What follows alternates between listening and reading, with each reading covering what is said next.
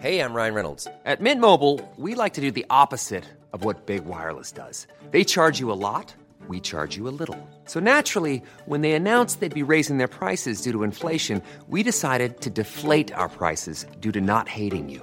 That's right. We're cutting the price of Mint Unlimited from $30 a month to just $15 a month. Give it a try at mintmobile.com slash switch. $45 upfront for three months plus taxes and fees. Promo rate for new customers for limited time. Unlimited more than 40 gigabytes per month. Slows. Full terms at mintmobile.com.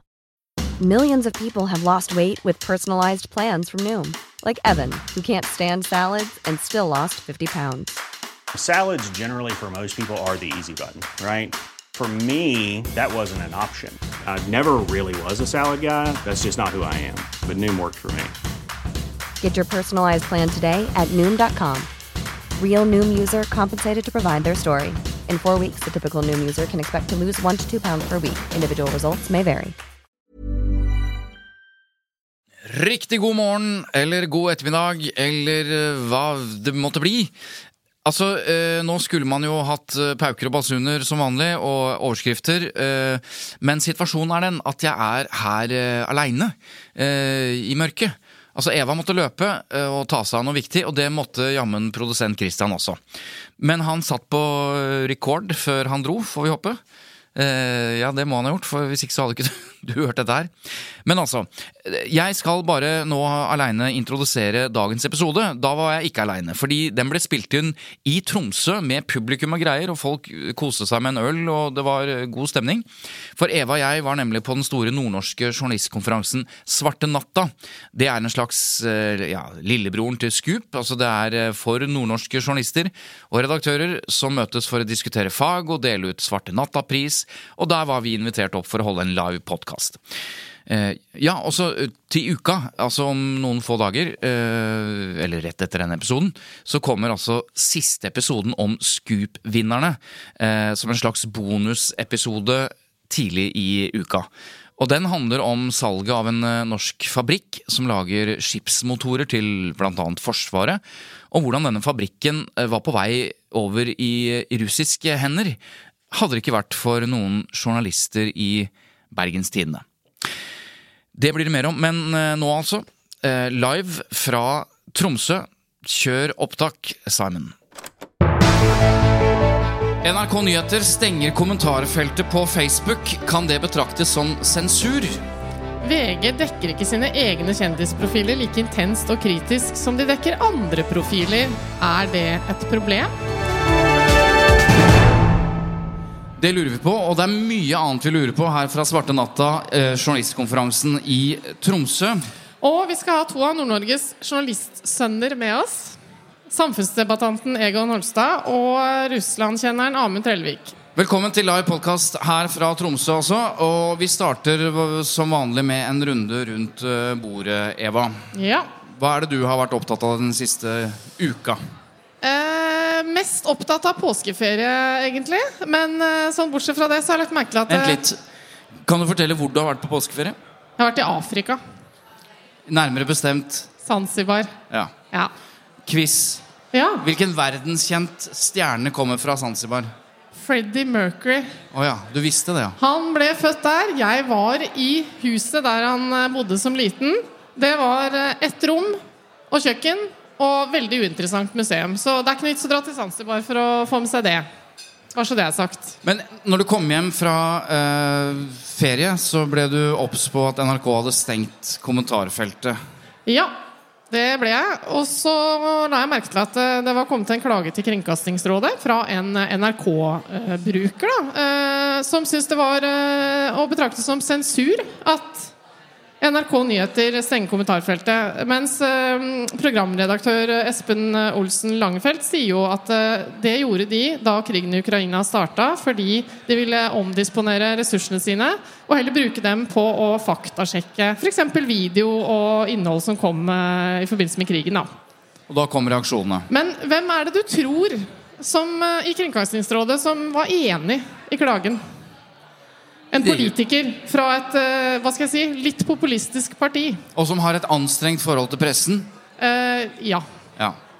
Jeg tipper at Anders Anundsen syns det var eh, at de ikke burde stenge det kommentarfeltet. Han reagerte som klageren, det, stemmer. Hva syns du, da? Er det et problem? Er det sensur når, eh, når NRK velger å ikke bruke ja, tida si på å redigere? For det, er jo sånn at dersom det er et presseetisk brudd i en av disse kommentarene på Facebook, så er det NRK Nyheter sitt ansvar. Så i prinsippet så kan de felles i Pressens faglige utvalg for ikke å ha redigert det, en sånn kommentar. Ja. Så det vil si at de må jo bruke eh, redaksjonelle ressurser på å, å, å forholde seg til det kommentarfeltet som et hvilket som helst annet kommentarfelt på NRK. da Spørsmålet ditt var om det er sensur. Ja, eller hva syns du? Dette er like lite sensur som alt annet som påstås å være sensur. Jeg skjønner ikke hva som er problemet. De kan du fleste- ikke bare altså, Steng det kommentarfeltet, eller drit i å være på Facebook, mener nå jeg. Det er jeg ikke enig i. Jo, Altså, det mener kanskje jeg at de burde Ja. vurdere nå.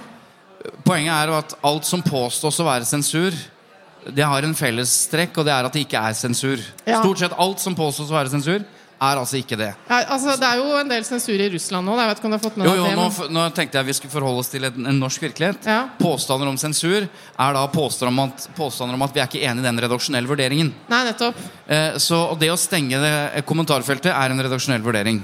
Fordi de ikke, som du sier, kanskje har oversikt eller klarer å kontrollere eller, eller ikke kontrollere, da, for det høres ut som det er sensur. De klarer ikke å moderere kommentarfeltet. De velger å legge redaksjonelle krefter et annet sted. Ja. Men det jeg ikke nødvendigvis er enig i, at det er, uh, at det er feil prioritering. da For jeg mener at uh, et godt moderert kommentarfelt uh, er viktig. Jeg mener at kommentarfelt på, gjort på en god måte Nå høres det ut som en selvmotsigelse. Et kommentarfelt gjort på en egen måte. Eller en Ja, god det måte. Men det er en verdi å høre hva andre mener om disse sakene. Så det å bare stenge kommentarfeltet fordi du ikke har, har tid, er jeg ikke nødvendigvis en tilhenger av. Nei. Men Så sensur er det ikke. skal det sies at eh, hvis man har sterke meninger om en artikkel som NRK publiserer, så kan man jo poste den på sin egen Facebook og fortsatt eh, diskutere den. Ja. I sitt eget kommentarfelt, hvor man selv har ansvaret. Eh, men blir det diskusjon i Ja, det Kringkastingsrådet rundt dette? Jeg tror det har vært. Okay. Jeg har ikke helt fått med meg hva de landa på. Men eh, ganske sikker på at de landa på at eh, det må være greit. Okay. Du, da? Hva har du tenkt på denne uka? Jeg har ikke tenkt, jeg har jobba.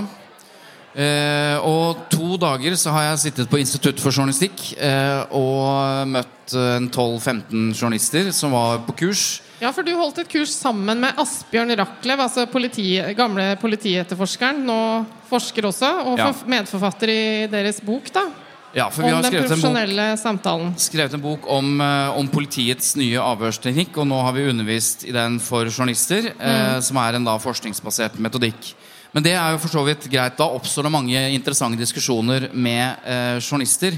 Og det er alltid veldig spennende å diskutere fag eh, med de som aktivt og frivillig har satt seg på skolebenken fordi de faktisk ønsker å lære noe. Nå veit jeg hva du skal si, fordi du var litt oppgitt du etter den eh, dag én på det kurset over eh, noen spørsmål du hadde fått. Nei, det var jeg slettes ikke.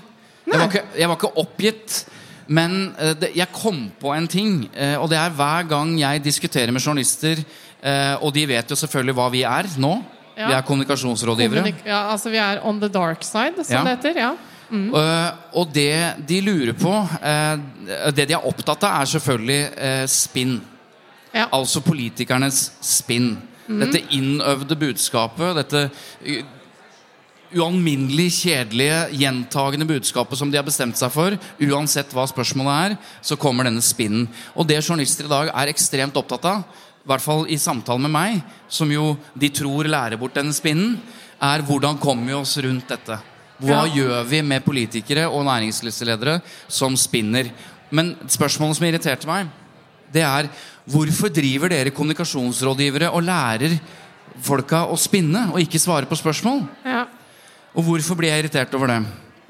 Ja, altså, fordi det er jo en del som faktisk står der som papegøyer og bare gjentar seg selv, og Ja. ikke faktisk svarer på spørsmål. Men Men, det du ble fordi de har- irritert fordi det syns du er dårlig, vil jeg tro, da. Ja, Det er jo verdens dårligste råd. Det er jo ikke et råd du ville gitt. Nei. Nei. Så da spurte jeg dem dere journalister som er opptatt av politikere og spinn, eller næringslivsledere og spinn, hvilket råd tror du vi som kommunikasjonsrådgivere gir de? Vi kor? Hva, hva er det vi råder våre kunder til å gjøre? Svar på spørsmålet. Ja. Ja. Og hvorfor gjør vi det? Fordi hvis ikke så ser du idiot ut. Nettopp. Ja. Og det er helt bemerkelsesverdig at når en hel journaliststand har avslørt at det å drive med spinn ser helt ko-ko ut, Ja. så vil jo antageligvis halvparten av befolkningen også synes at det ser dumt ut. Så Ja, men jo kommer være jo litt for ofte unna med det, da.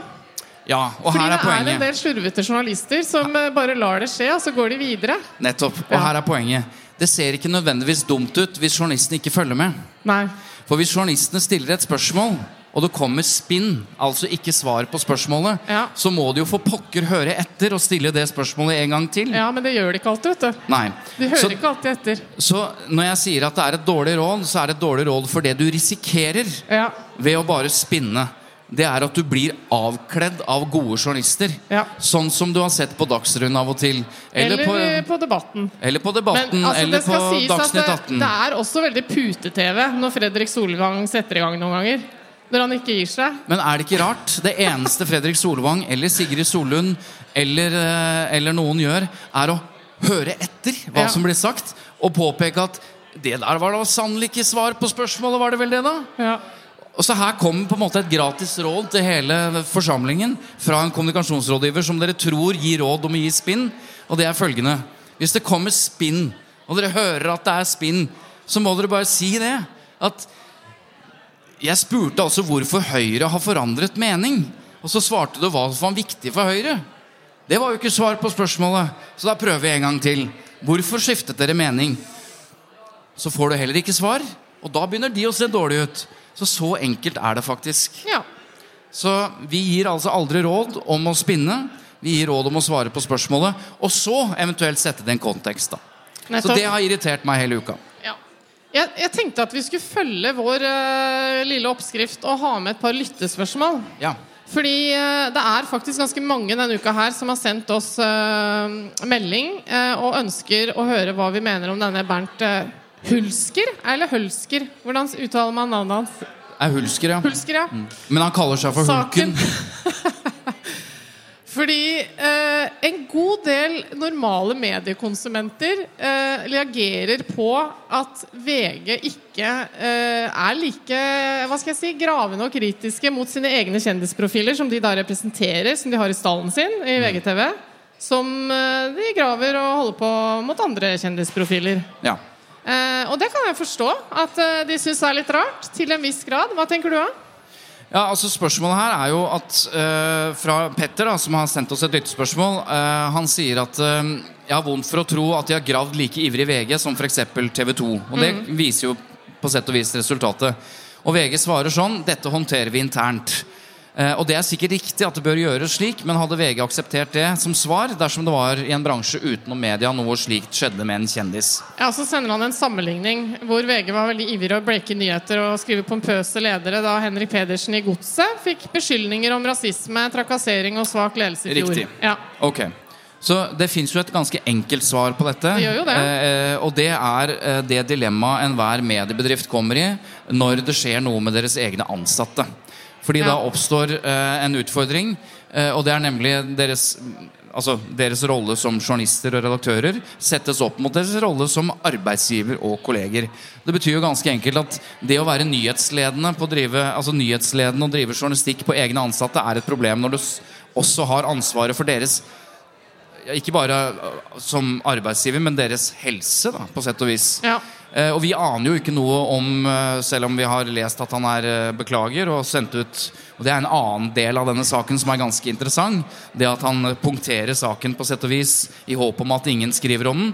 Sånn at det ser ut som han er den største her, nemlig og, den- ved å unnskylde. egne kanaler, ja. Han poster egne kanaler. Ja. Men svaret er altså at Og dette sier VG, dette sier NRK, dette sier TV 2 At når det er saker som er svært viktige, da eller i hvert fall i et rampelysperspektiv, og for så vidt i et offentlig perspektiv, så kan det ikke være nyhetsledende eh, på eget hus. I hvert fall ikke når det er egne ansatte som er involvert. Men og det er det mulig å forstå. Hvordan skal vi løse det da? Så ikke publikum sitter og opplever at eh, de gjør for forskjellsbehandling når det Den handler om dem selv. Den eneste måten å komme unna med det på, er å si det og forklare det. Ja.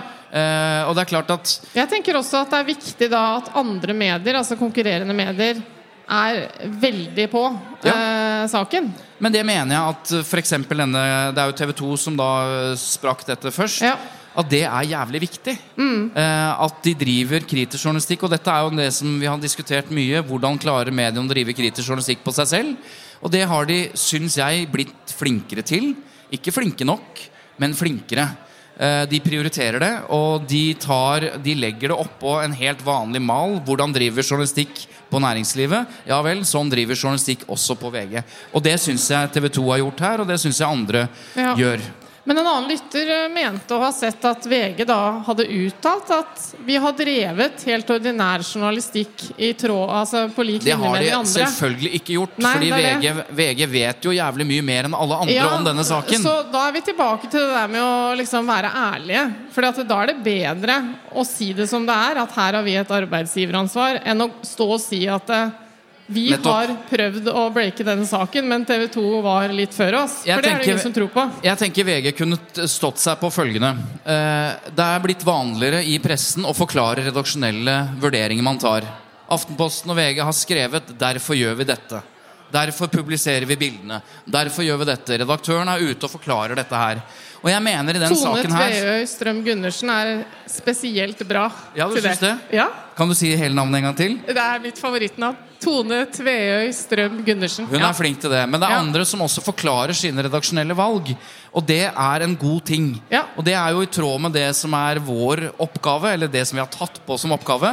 Det er å forklare hvordan journalistikken blir til, sånn at folk skjønner det, og da får mer tillit til redaktørstyrte medier. Altså, du, nå lager du en bro over til det neste lytterspørsmålet. Det var en Merka du det? Ja, bridge? det. Men jeg er ikke ferdig. Nei, ok. Fordi det VG burde gjort når de tar seg bryet med å forklare hvorfor de publiserer ting, så bør de også ta seg bryet med å forklare hvorfor de ikke jobber med ting som folk forventer. Mm. Nå er hele Norge i gåstein opptatt av denne Bernt Hulsker-saken.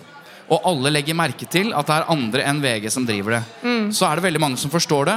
Men jeg mener at redaktørene i VG kunne da forklart hvorfor de ikke driver journalistikk på dette. Ja. Fordi de har et arbeidsgiveransvar for de samme. Ja. Det mener jeg, det, det ville gjort sånn ah, ja, Det har jeg faen ikke tenkt på. Mm. Så det er vår oppfordring, da. Men eh, jeg har et siste kjapt Et lyttespørsmål som jeg syns var veldig gøy. Eh, eh, eh, fordi det er litt som skriver Jeg har egentlig mange spørsmål, men håper at dere vil si noe om bakgrunnen for podkasten Tut og mediekjør. Jeg mener dere dekker viktige temaer, men jeg vet ikke helt hvorfor jeg opplever det som viktig. Det hadde derfor vært veldig interessant å høre deres perspektiv på dette. Hvorfor temaene i podkasten er viktige å diskutere. Oh, ja. Vi, du har valgt et lytterspørsmål som gjør at vi kan sitte og forklare vår egen eksistens. Ja, men du har jo allerede Jeg har gjort det, allerede sagt det. Ja. Men Jeg tror hun oppfatter det viktig fordi det er for lite prat om hvordan journalistikken egentlig blir til. det. Og vi har jo fått veldig mye tilbakemelding på de tre siste episodene våre, hvor vi har tatt for oss alle Scoop-diplomene og vinnerne, eller snart alle. Ja. Og når uh, lytterne våre får høre hvordan journalister jobber i gravende journalistikk, så blir de både glad og imponert, og de føler en viss Ja. trygghet av at den fjerde statsmakt gjør jobben sin. Ja, og jeg, jeg kan bruke meg selv litt som testimonial her. For god. Min reise har jo vært eh, i tråd med det. At eh, altså, jo mer jeg har eh, blitt kjent med hvordan journalistikken blir til gjennom PFU-arbeid osv., for jeg har sittet i Pressens faglige utvalg, desto mer respekt har jeg fått for faget. Og det skriver jo lyttere til oss også, at det er så gøy å høre om. Så eh, greia med å nevne dette nå, er jo at eh, det er kanskje en slags trend, dette med at redaksjonene må være litt mer åpne. Fortelle mer om de redaksjonelle valgene i spaltene. Ikke tro at det er en selvopptatt ting. Folk vil høre mer om hvordan journalistikken eh, er bak kulissene. Og der avslutter vi runden rundt bordet. Ja. Nok prat. Nok prat. Det er på tide å få opp første gjest her på baren på Hotell Edge i Tromsø. Han har arrangert konserter, drevet platebarer, anmeldt musikk hele livet. Han er fortsatt musikkjournalist, men bruker også stemmen sin til å mene mye om så mangt som kommentator. En Rotkuk. fra Fauske som bor i Det var vanskelig å si det ordet, Eva. Ja. Ja, jeg så det.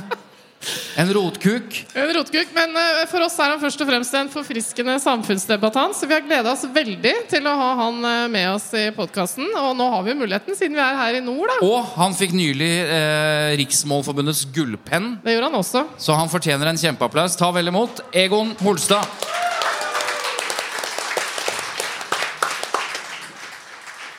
Velkommen, Egon. For en, eh, så flott å bli introdusert med en kuk. Ja, da kan vi ta det med en gang. Hva er egentlig en rotkuk? Nei, En rotkuk, en rotpeis, det er vel mer det sånn eh, karaktertrekk ved meg. At jeg er en eh, jævla ustrukturert fyr som er helt avhengig av deadline for å fungere. Nei, det er Eh, rotete kuk. Men det er klart at Med en gang ordet kuk kommer på, eh, på banen, så blir jo litt skremte søringer litt redd. Men nå er dere jo i Petter Stordalen sitt hotell og får drikke det eh, englepisset som kalles for Ringnes. Eh, Så det blir kanskje litt sånn formildende, så at dere blir litt tryggere på, på denne kuken. Ja, Men jeg Vet jo det at kuk betyr ingen verdens ting. Det er som å si hei. Eh, sånn at eh, Nei, det er sånn hestkuk. Ja, ja, ja. Men det, det er ikke kuken som er viktig, det er det som kommer før. Altså rot. Nå ble det her jævla Ja, rorbua ja, veldig fort, da, men uh, det er deres program, så jeg, i- jeg kan snakke om kuk i en time. Altså, det, det er ikke det. Men uh, Jeg er glad i språk, det var poenget. ja. Ja. Ja, Ja, eh, fordi. Vi har lest at eh, selv om du alltid var glad i norsktimene på skolen, selv når det var grammatikk, så hadde du absolutt ikke noe plan om å bruke skrivinga som eh, jobb og karriere. Men eh, så har du nå blitt journalist. da, Hva skjedde? Nei, jeg har aldri hatt noen plan om noen ting, egentlig. Jeg, altså, jeg er totalt ambisjonsløs. Jeg har alltid, alltid vært det. Eh, Det sier dem alle. Nei, det er ikke noe kokette skryt. Ja, er eller noe sånt. Jeg, jeg, jeg har null ambisjoner. Ante ikke hva jeg skulle bli noen gang. Eh, men etter å ha drevet platebutikk i eh, ti år, så gikk jo ikke det spesielt bra. Det var en bransje som ble utsatt kraftig for digitalisering og sånn. Så tenkte jeg det må jeg komme meg ut av. Og så ble jeg da tilbudt en jobb i Nordlys. Eh, som også var en bransje som etter hvert ble plaga av digitalisering. Så det var ikke, Om det var sånn great career move, det vet jeg ikke, men, eh, men eh, det var veldig tilfeldig. Nå avdøde sjefredaktør Hans Christian Amundsen inviterte meg inn og spurte om jeg ville skrive om musikk i, i Nordlys. Og det gjorde jeg da i, i, i masse år. Og så ble det etter hvert litt, litt mer skriving da, om, om andre ting. Men akkurat det der med, det der med, mm, med grammatikken, at jeg syns grammatikken var artig når jeg gikk på skolen, sånn, det, det er heller ikke noe kokett opplegg. Uh, Altså, vi, at vi kan begge identifisere oss med det. Så det ja, altså, og Grunnen til at jeg nevnte i det intervjuet dere sikkert uh, viser til der jeg sa det, det var det at jeg hadde en, eh, en helt fantastisk norsklærer som jeg fikk fra 7. til 9. Det som da nå er 8. til 10. Og jeg var helt sinnssykt skolelei. Jeg hadde to foreldre som begge var norsklærere og var jævlig umotivert og dritlei i en alder av 13 år. Så fikk jeg en helt, helt, helt, helt fantastisk norsklærer som heter Magne Jonassen, som eh, eh, dro meg etter det som da var mye hår, og, og, og, og eh, tvang meg til å se språket som noe interessant. da Og var jævlig motiverende. Så fikk det til å bli dritartig med setningsanalyse. og han hjalp eh, meg og resten av klassen til å knekke de her kodene der. Og, og, og nettopp det å gjøre språket til noe morsomt gjorde at man etter hvert gleda seg veldig så mye til norsk som man gjorde til sløyd og gym og de her mer praktiske fagene som man normalt gleder seg til. Og det betyr jævla mye. Og, det, og det er veldig overforvart på, på, på, um, eller i det faget vi driver med i, i avis- eh, eller mediebransjen. Det er at hvis du går på jobb og du gleder deg og du har det artig, og du har en sjef som lar deg leke deg med ideene dine, så er det det som jeg tror skaper best produkter også på mediefronten. Akkurat som det skaper de bedre skoleelevene. Da du vant Gullpennen nå nylig, da, så skrev juryen Egon Holstad viser hvordan riksmålet elegant kan kombineres med nordnorsk særpreg. Og det er jo kanskje det som er Mener de da banning, hvis du sier nordnorsk særpreg? Ja, i hvert fall. Det er kraftige greier du lirer av deg noen ganger. Det er det jo. Men innenfor Ja, riksmålsaksepterte Jeg vet da faen, altså jeg, jeg vet da faen, sier jeg, så- så understreker jeg min egen idioti. Um, ja, nei, jeg bannes jo mye. Prøver å bannes ikke så mye på, på trykk. Hvorvidt det her er noe som er nordnorsk, det aner jeg ikke. Jeg har vel en idé om at jeg ikke ville vært en forsagt liten uh, sak om jeg var fra Oslo, heller. Og det finnes jo ganske kraftige formuleringer som også kommer fra sør.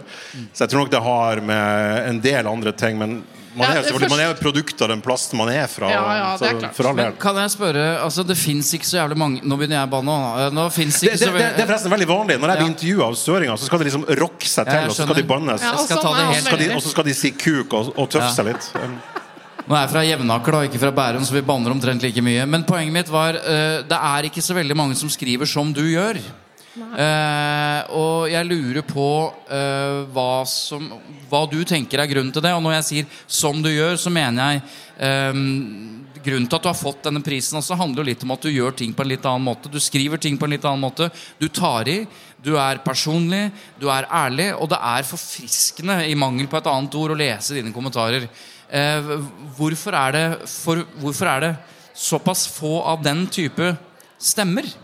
Det er min, et premiss, da, men eh, du, du får Nei, svare Det å får du spørre noen akademikere om. Jeg har ikke peiling på de her tingene. Jo da, du, du, kan, du Eh, kjenner bransjen du kommer fra, så du kan prøve. Nei, jeg tror altså, for, for min egen del Jeg kan jo bare snakke for min egen del. Jeg har jo ikke gått noe Jeg har jo ikke noe utdannelse, for det første. Jeg hadde noen mislykka år på universitetet der jeg var en komplett uh, misfit, og jeg slutta. For at det, det var altfor vanskelig. Jeg skjønte ingenting av det de holdt på med.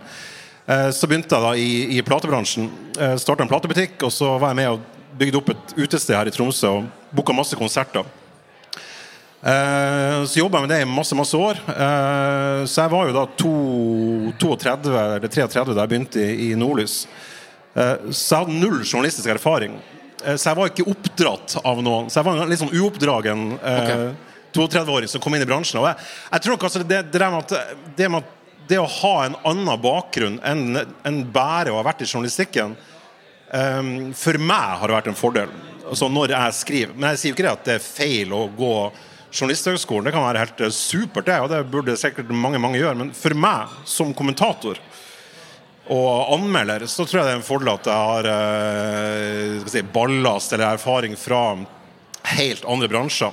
Og det gjør nok også at jeg kanskje har en annen måte å uttrykke meg på enn at jeg liksom er opplært i noen klassisk redaksjonelle ting. Eh, ja, du, så det du har sagt at du er jævlig glad for at det ikke finnes digitale spor etter deg fra 90-tallet. Hvorfor det? Nei, men faen, altså. Når jeg var i 20-årene, da er jeg glad at uh, det forblei på gullapper og på uh, analoge ark som nå er brent opp eller blitt jord. Og det har jo å gjøre med at når man er i 20-årene, så er man jo Jeg var jo en veldig sånn overdreven versjon av det jeg er nå.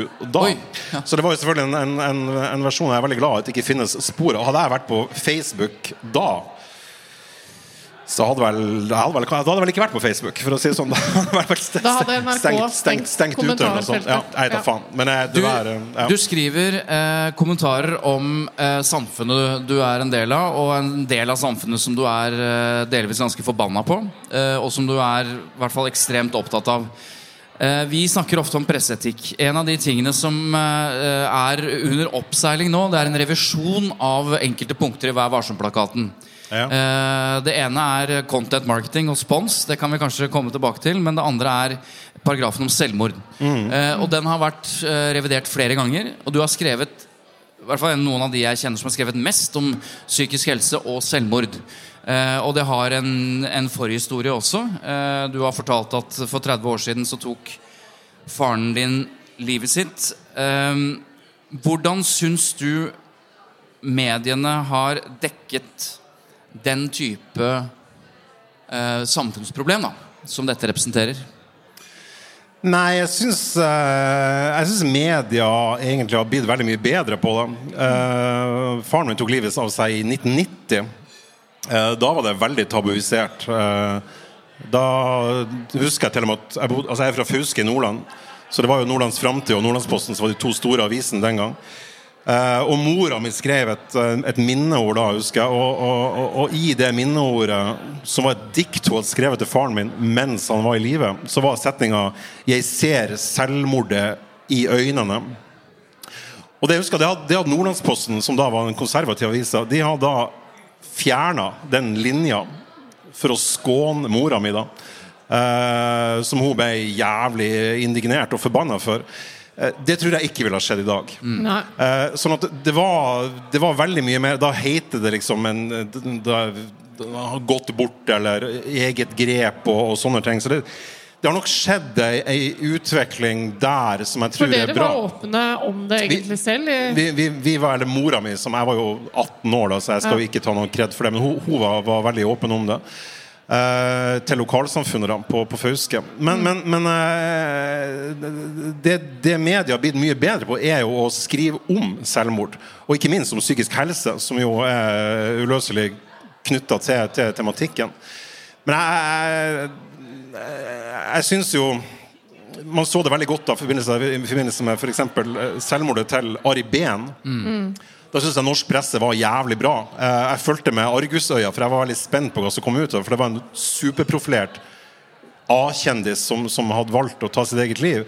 Men der syns jeg, der synes jeg riksmedia var helt forbilledlig. Jeg syns det var superbra og sober og fin dekning. Og den kritikken som kom fra en del av fagfeltet, da, fra psykologer, og psykiatere og sosionomer, syns jeg var ganske unfair. For jeg syns media var jævla ryddig. Eh, og det som har vært på en måte mantraet som Reidun Kjelling Nybø, som, som nå er leder av Norsk redaktørforening, har jo vært en en, en, kraftig og vektig pådriver for å ha et fokus rundt, eh, rundt tematikken i, i norsk journalistikk.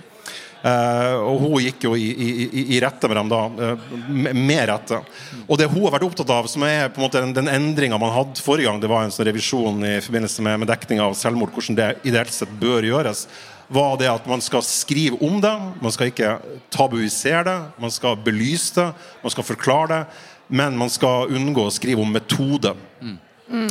Uh, og Det kom jo også opp i, i, i debatten for en fire-fem år siden da den her 13 Reasons Why-serien gikk, som da var veldig sånn eksplisitt i beskrivelse av metode. Mm. For at metode kan føre det kan være sånn smitteeffekt, og det eskalerer.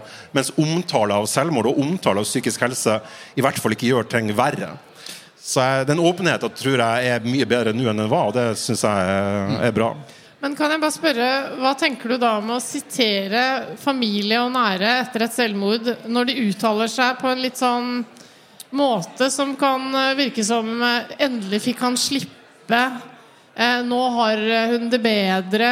Altså ting som kan virke som at de på en måte velsigner det, det forløsende i et selvmord. Det, det, det, er jo, det, er jo, noe forløsende i et selvmord. Det er jo et menneske som ikke ønsker å leve lenger. Og den nullvisjonen det er snakk om, den kommer jo aldri til å skje. Av den enkle grunn at det vil være et visst antall mennesker som faktisk ønsker å dø bestandig. Eh, det som i andre enden av skalaen er, er det man kanskje bør konse på da, er jo at av de som får avbrutt eller blir berga av selvmord, som da er ca. ti ganger så mange som mm. faktisk gjør det, mm. så er jo typisk sånn 70-80 av dem veldig glad for at de ble redda. Uh, men jeg tror jo det er altså, Vi er jo veldig sånn forknyttet i Norge når det gjelder å snakke om døden som sådan. Ja. Så det å si at nå er de på et bedre sted og sånn hvis du tror på religion og du tror at de er i en himmel, eller noe sånt, så er jo det sikkert helt jo, topp. Og da må folk, folk få, lov å, få lov å gjøre det. Men, men jeg, i forbindelse med Ari Behn ble jo det, de der tingene sagt, og jeg mm. opplevde ikke det som noe forherligelse. Jeg, det inntrykket jeg fikk Jeg kjente verken han eller familien eller, eller, noen av de nære pårørende av han. Og det jeg opplevde, var at det var et ganske tydelig bilde av en veldig plaga mann som hadde trasig, mm. og som, som, man kanskje kunne ha berga eh, hvis man hadde fått det til. Og eh, jeg følte ikke at det var noe grafsing i eh, en eller annen slags forherligelse av at det her var et jævla smart eller bra valg. Eller. Derfor var jeg veldig uenig i den kritikken. og Det skrev jeg også et par kommentarer om.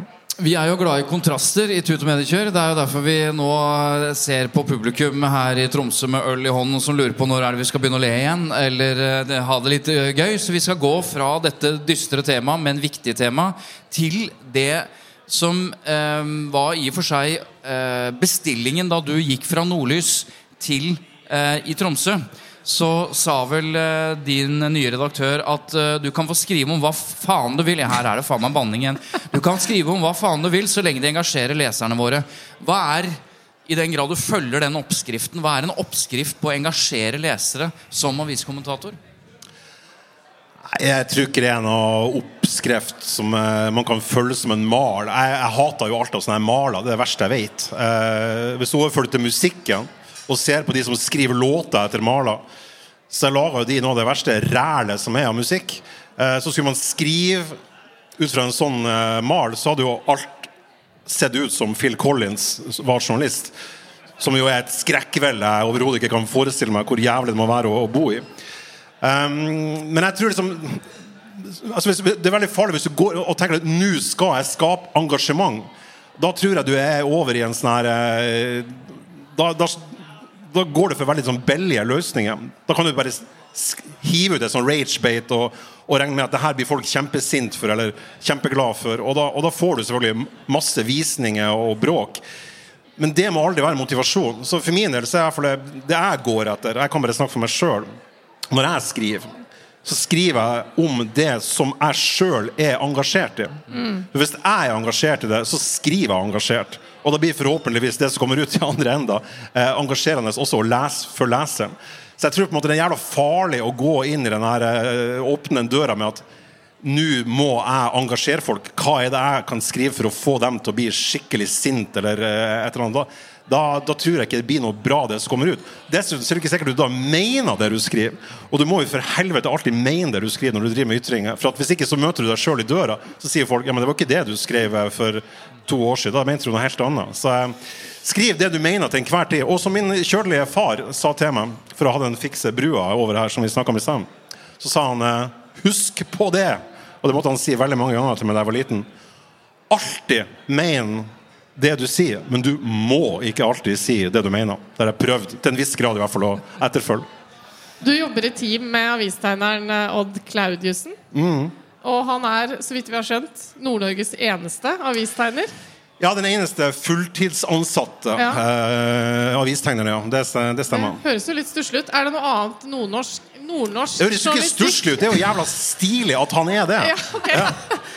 Han har til og med fått Svarte Natta-prisen, æresprisen, som jeg tror er en av de mest populære prisene. Så vanligvis når det er sånn NRK Nordland vinner et eller annet, så ser du NRK Troms og Nordlys og Tromsø gjør sånn. Men når Odd Claudiussen vant den prisen, så var det sånn massiv. Alle røysa syntes at dæven, det her var kult. Så det var, det var faen meg alt annet enn stusslig. Ja, nei, eh, Overhodet ikke stusslig til, han, eh, til hans forsvar. Men det er litt stusslig at det er så få. Er det noe annet det er for lite av i Nord-Norge? I medielandskapet? Nei, jeg tror jo de manglene som eventuelt er i nordnorsk medielandskap, er, er jo de samme som man har i, i, i- det øvrige medielandskapet i, i Norge, som går på, på, på mangfold. Jeg skulle gjerne sett flere stemmer som hadde eh, flerkulturell bakgrunn i, i det nordnorske medlemskapet. Ikke minst på ytringer. Eh, Nordlys har jo Maja, som er kjempegod, og som, som, som er en, en, en sjelden representant for, for akkurat det. Eh, men, men det skulle jeg gjerne sett, sett flere, og det, det håper jeg er noe som, som endrer seg. Det som er jævla dårlig i, i Nord-Norge, og, og som skyldes rikspressa, det er at de faen meg bygger ned og fjerner de lokale kontorene sine her oppe. Eh, Nå skal jo Dagsavisen eh, etablere seg her, men det synes jeg var litt morsomt. De skulle ha ett kontor i Finnmark, hvor nå enn i helvete i Finnmark det skulle være. Og det andre skulle være i Tromsø eller Bodø. Som om det er det samme! Eh, og Det viser bare hvor jævlig lite Dagsavisen har skjønt om Nord-Norge. Men, men ære være dem for at de ønsker å i hvert fall komme hit, da. så kan vi lære dem litt om landsdelen. Men, eh, men at det at Dagbladet og VG ikke er her, og det at eh, vi. DN og alle de her har på en måte bare fjerna seg fra, fra Nord-Norge, det syns jeg er jævla synd. For man trenger, man trenger et blikk på Nord-Norge, også sett sørfra. Martin Legland, min gamle kollega i Tromsø, jobber nå for VG, og han har jo lagd mer saker fra Nord-Norge enn det avisa har gjort eh, i et par år før han flytta sørover. Så det er faktisk fullt mulig også å lage journalistikk og komme opp hit, og ikke bare ringe eh, og, og, og høre hvordan, hvordan ting er. Så det, det burde definitivt vært bedre når det gjelder, når det gjelder det den nordnorske medie... En klar oppfordring. Ja, absolutt. at- oppfordring. Har du en Ja, men ikke sånn for helvete. Altså, det, det, altså, vi, er en, vi er jo i en verden nå. Vi, er, vi, vi grenser til Russland i Nord-Norge. Vi har massive havressurser, både på, på, på petroleum og, på, og på, på fisk. Og så sitter da svære redaksjoner som faen meg soper inn en halv milliard i overskudd. Og så har de ikke et fuckings kontor i Nord-Norge. Jeg syns det, det er en fallitt. Og, og, og det, det må de bare skjerpe seg på. Så Dagbladet, VG, Aftenposten Dagens Næringsliv. alle, Dagens Næringsliv, alle hut og kropp, etablerer kontor. Og vi, skal, vi har til og med kaffe latte i Nord-Norge. Tro det eller ei. Så kom, Men- kom hit. Du blir jo publisert i VG, da. Det er jo i hvert fall en bitte liten trøst. Dette var, eh, dette var eh, dagens stikkord. En bridge over til neste gjest. Så Egon Olstad, tusen hjertelig takk. Gi Takk ham for en at vi kom. stor eh, Kos dere. applaus. Og vi, hvis du brenner inne med Og noe husk, etterpå, så og kommer husk du å bare. komme dere ut fra Petter Stordalen sitt hotell og drikke ordentlig øl i løpet av kvelden. Veldig, veldig viktig. Eh, men tusen takk skal du ha, Egon. Eh, Nordlysjournalist og leder for pressenettverket Barents eh, Press, Amund Trellevik, eh, blir nå medlem av den internasjonale reportergruppa Investigate Europe. Eh, et samarbeid mellom journalister fra land på tvers av Europa. Han har jobbet mange år i Russland, snakker russisk. Møtte kona si i Russland, hvis ikke vi har misforstått. Uh, og har mange russiske journalistkolleger. Så nå skal vi få høre enda mer om krigen. Uh, men kanskje med et litt annet perspektiv enn det vi vanligvis hører om. Så velkommen, Amund. Takk for det. Aller først, eh, Amon, eh, hvorfor ønsket du å bli en del av dette Investigate Europe? Og, eller aller først, egentlig, hva er det for noe? Eh, Investigate eh, Europe er et eh, journalistkonsortium. Eh, inneholder journalister på tvers av landegrensene i Europa. Eh, har eh, rundt 20, eh, 20 medlemmer nå. Og eh, på mange måter så er det et eh, journalistfellesskap der man jobber i sitt land med en sak eller et tema som er da transeuropeisk. Eh, er aktuell for alle land i Europa. Eh, og så jobber man da i sitt land, i sitt nettverk, i sine register, i å grave for seg sjøl, og dele denne researchen med de andre i nettverket. Og får da på denne måten grave saker som går på tvers av landegrensene. Men ikke nødvendigvis på bestilling fra noen, men som pitches Nei. inn etterpå. Det her er på en måte du kan si det er omvendt eh, Panama Papers. Det er ingen lekkasje som kommer. Man starter å grave i lag. Og så finner man da sakene etter hvert. Hvordan finansieres dette da? Det er i stor grad private donorer som støtter journalistikk. Eh, Det er mange av de i Tyskland. Eh, Det, I Norge bidrar med Fritt Ord eh, og en del amerikanske stiftelser. Men hvorfor trengs dette samarbeidet? Hvorfor kan ikke mediehusene som allerede er etablert, gjøre det dere gjør? Hva, hva er det som Godt spørsmål, men eh, i dag så er veldig mange utfordringer og problem for europeiske land, også Norge, veldig kompleks. Eh, det er ikke mulig å løse det på egen hånd, kanskje i eget mediehus eller eget land. Det er transnasjonalt. Mye av det handler om EU-lovgivning. Vi er ikke med i EU i Norge, men mye bestemmes i Brussel av sånn overordna lovgivning som går inn i folks liv. Um, for å ta et eksempel. Da. Eh, en stor gravesak som Investigate Europe uh, gjorde for et par år siden, handler om transport på veier. Transport på veier i Europa. Der avdekker de at eh, rumenske sjåfører har en lønn på 31 kroner timen for å kjøre fast på norske veier. Det er ikke ulovlig, men en del av EUs regelverk. Men det er klart det er en stor utnyttelse av arbeidskraft, og det er sosial dumping i Norge. Du, eh, du har, La oss snakke litt om eh, dekningen av eh, krigen. Og du har sagt før krigen Altså om dekningen før krigen brøt ut, at fremover så tror jeg norske medier blir nødt til å diskutere hvorfor ingen i desember, januar, februar problematiserte at verdens nest største atomsupermakt hadde oppmarsjert noe mellom 100 000 og 140 000 soldater ved grensa til Ukraina. Hva betyr den historisk kontekst? Hva var utgangspunktet for den eh, refleksjonen? Ja, altså Nå er vi jo i Nord-Norge. Ja. Eh, en region i Norge som eh, har et sterkt eh, bånd til Russland. Historisk, kulturelt, mellommenneskelig. Og mange av journalistene som er på denne konferansen her, har jo jobba med Russland og med russere i mange år. Nå skal vi jo snakke om det her senere i kveld på Svarte natta, men jeg tror nok det er mange journalister og mediehus som bør kanskje vurdere altså Etterpåklokskapens lys er alltid den beste fasiten. Men altså, man bør, eh, bør vurdere om eh, dekningen av Russland har vært i større grad prega av ønsketenkning enn realisme. Hvorfor har ikke man sett det som nå er seilt opp tidligere?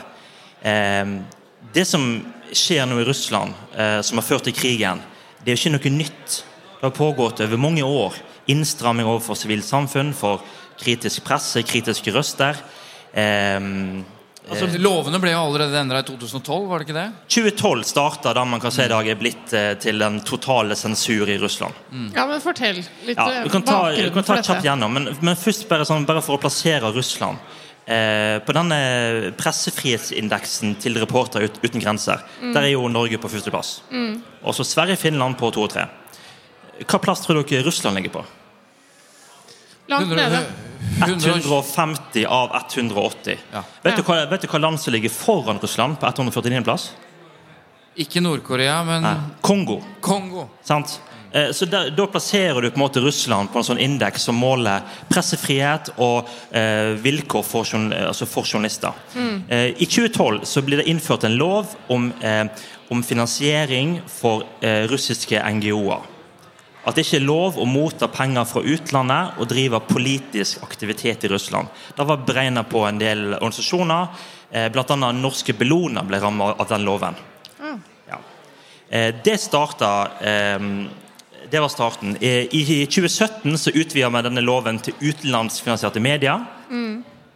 deretter, i 2019, så var det enkeltpersoner som jobber for utenlandske medier i Russland. Utenlandske medier. Men i 2020, desember, 28, altså mens Europa er liksom på, eh, på ferie, så blir de første russiske statsborgerne som jobber for russiske aviser i Russland, stempla som utenlandske agenter. Og hva, liksom, hva betyr det her? Sant? Utenlandsk agent. Um, disse lovene er jo laga såpass eh, vag og bredt at det i prinsippet kan brukes til å ramme hva som helst man ønsker å bli kvitt av kritiske røster. Hvis man mottar penger fra utlandet, det kan være en flybillett, det kan være en, eh, en reise til en konferanse i Norge, f.eks., kan være en slags økonomisk støtte. Og, og hva er på en måte politisk eh, virksomhet? Det kan være journalistikk, da. På maktforhold. Så den innstrammingen som har vært siden 2012 Noen har jo skrevet om dette, noen har vært opptatt av dette hele tiden. Men hvordan har det påvirket vårt syn, eller ikke påvirket vårt syn? Hvordan burde vi ha dekket dette i opptakten? Når vi så hva som kom? Nei, altså, eh, eh, altså Noen så jo at krigen ville komme. Absolutt.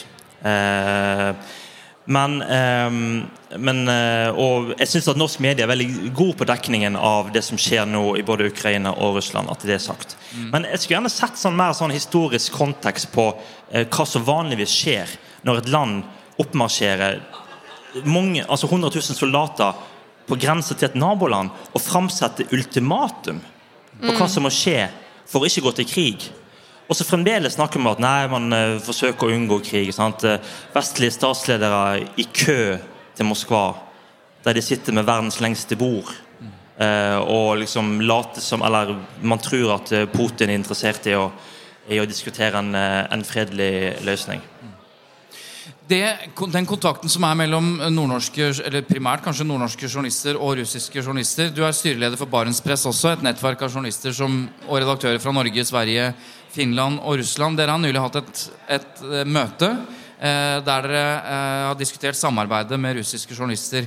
Eh, hva er det vi bør vite fra et sånn type samarbeid? Altså, ehm, Nivået i hvordan man kan samarbeide med russiske journalister fra Vesten i dag, er tilbake på eh, eh, Sovjetunionen-nivå. Russiske styresmakter forsøker alt de kan å hindre all mulig form for kontakt mellom vestlig presse og russisk presse. Eh, man har denne her flyforbudssonen som står det delvis europeisk innført, som gjør det vanskelig å reise. Eh, det er også blitt helt umulig å overføre penger til Russland, eksempel, gjennom eh, banksanksjonering. Eh, samtidig så er det nærmest livsfarlig for russiske journalister å ha kontakt med utenlandske kollegaer. Man risikerer å havne i det agentregisteret. Man eh, risikerer å bli taua inn, fengsla. Det er innført en rekke sensurlover som gjør det veldig vanskelig å rapportere fritt og åpent om det som skjer i Russland. Men du har jo kontakt med russiske kollegaer. Ja. Så hvor er det? På Telegram? Liksom? Nei, men altså, altså Sånn type kontakt, ja, det går jo selvfølgelig an. Men altså, det går ikke an å jobbe i lag. Altså, hvis det er det du tenkte på Altså Samarbeidsprosjekt. altså Hele ideen til Barentspress er jo å legge til rette for eh, fellesprosjekt på tvers av grenser. Litt sånn som in- Investigate Europe, men i denne her delen av verden. da Jobbe i lag med kollegaer i eh, mediehuset i Russland. Hvis f.eks. det er en hendelse her i Tromsø som jeg kan bistå eh, La oss si en eh, brann på en russisk tråler som har vært i Tromsø tidligere. Så kan jeg da bistå med russiske kollegaer med hjelp. Kontakt, intervju og bilde på det. Sånn fungerer det samarbeidet. Kort for å avrunde den Russland-biten før vi går inn for landing på svarte natta. Hva er det du ser for deg eh, eh, Russiske journalister redaktører har jo nå eh, lagt ned arbeidet, mange av de. Det er ikke mulig pga. det du sier. Hva ser du for deg kan være utviklingen innenfor både ytringsfrihet, pressefrihet i, på kort sikt nå eh, framover? Det kommer til å bli verre i Russland. Det kommer til å bli verre. Det, ja, det er ingen tegn til at det er, kommer til å bli lettere å være journalist i Russland den nærmeste tida. Også på litt lengre sikt. Og eh, altså Det er ikke mulig å drive normal journalistikk i Russland i dag. De som har kunnet det, har flykta landet. Mange hundre journalister bor i eksil nå i, i randsonen i Vest-Europa, i, i Kaukasus, eh, Tyrkia.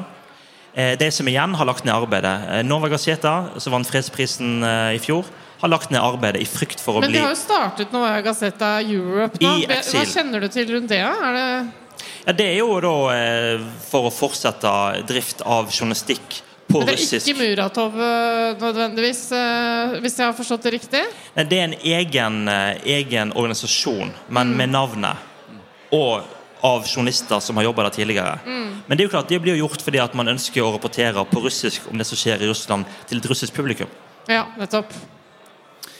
Eh, Amund, du eh, er eh, i dag på Svarte natta som eh, tror jeg bare eh, jeg håper å si, menigmann. Eh, sist gang du var her, så var du sjef for dette. Da tror jeg du bare snakket om Trond Giske. Eh, Stemmer det. det var så, foregikk sånn Det vi er på Scoop er vanligvis kaller parallellseminarer, fikk en helt betydning, ny betydning her på Svarte natta da det foregikk Trond Giske-seminarer både på flere steder samtidig. En kjempekontrovers.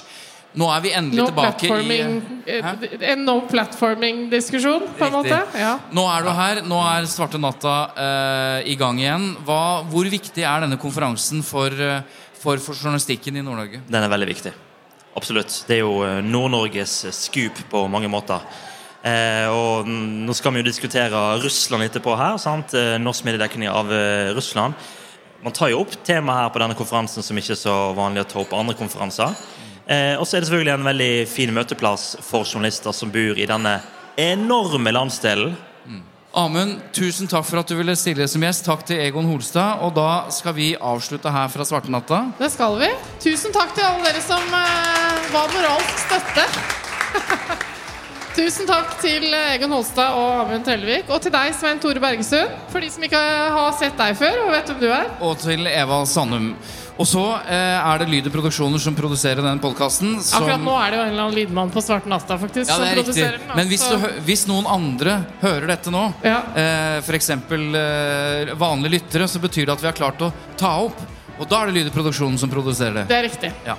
Så tusen takk for at du hørte på, eh, og tusen takk for at dere kom.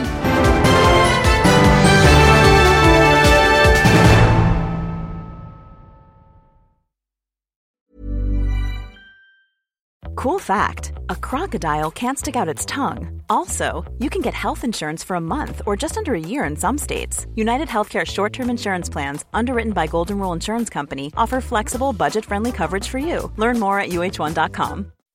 When you make decisions for your company, you look for the no brainers. If you have a lot of mailing to do, stamps.com is the ultimate no brainer. Use the stamps.com mobile app to mail everything you need to keep your business running with up to 89% off USPS and UPS. Make the same no brainer decision as over 1 million other businesses with stamps.com. Use code PROGRAM for a special offer. That's stamps.com code PROGRAM.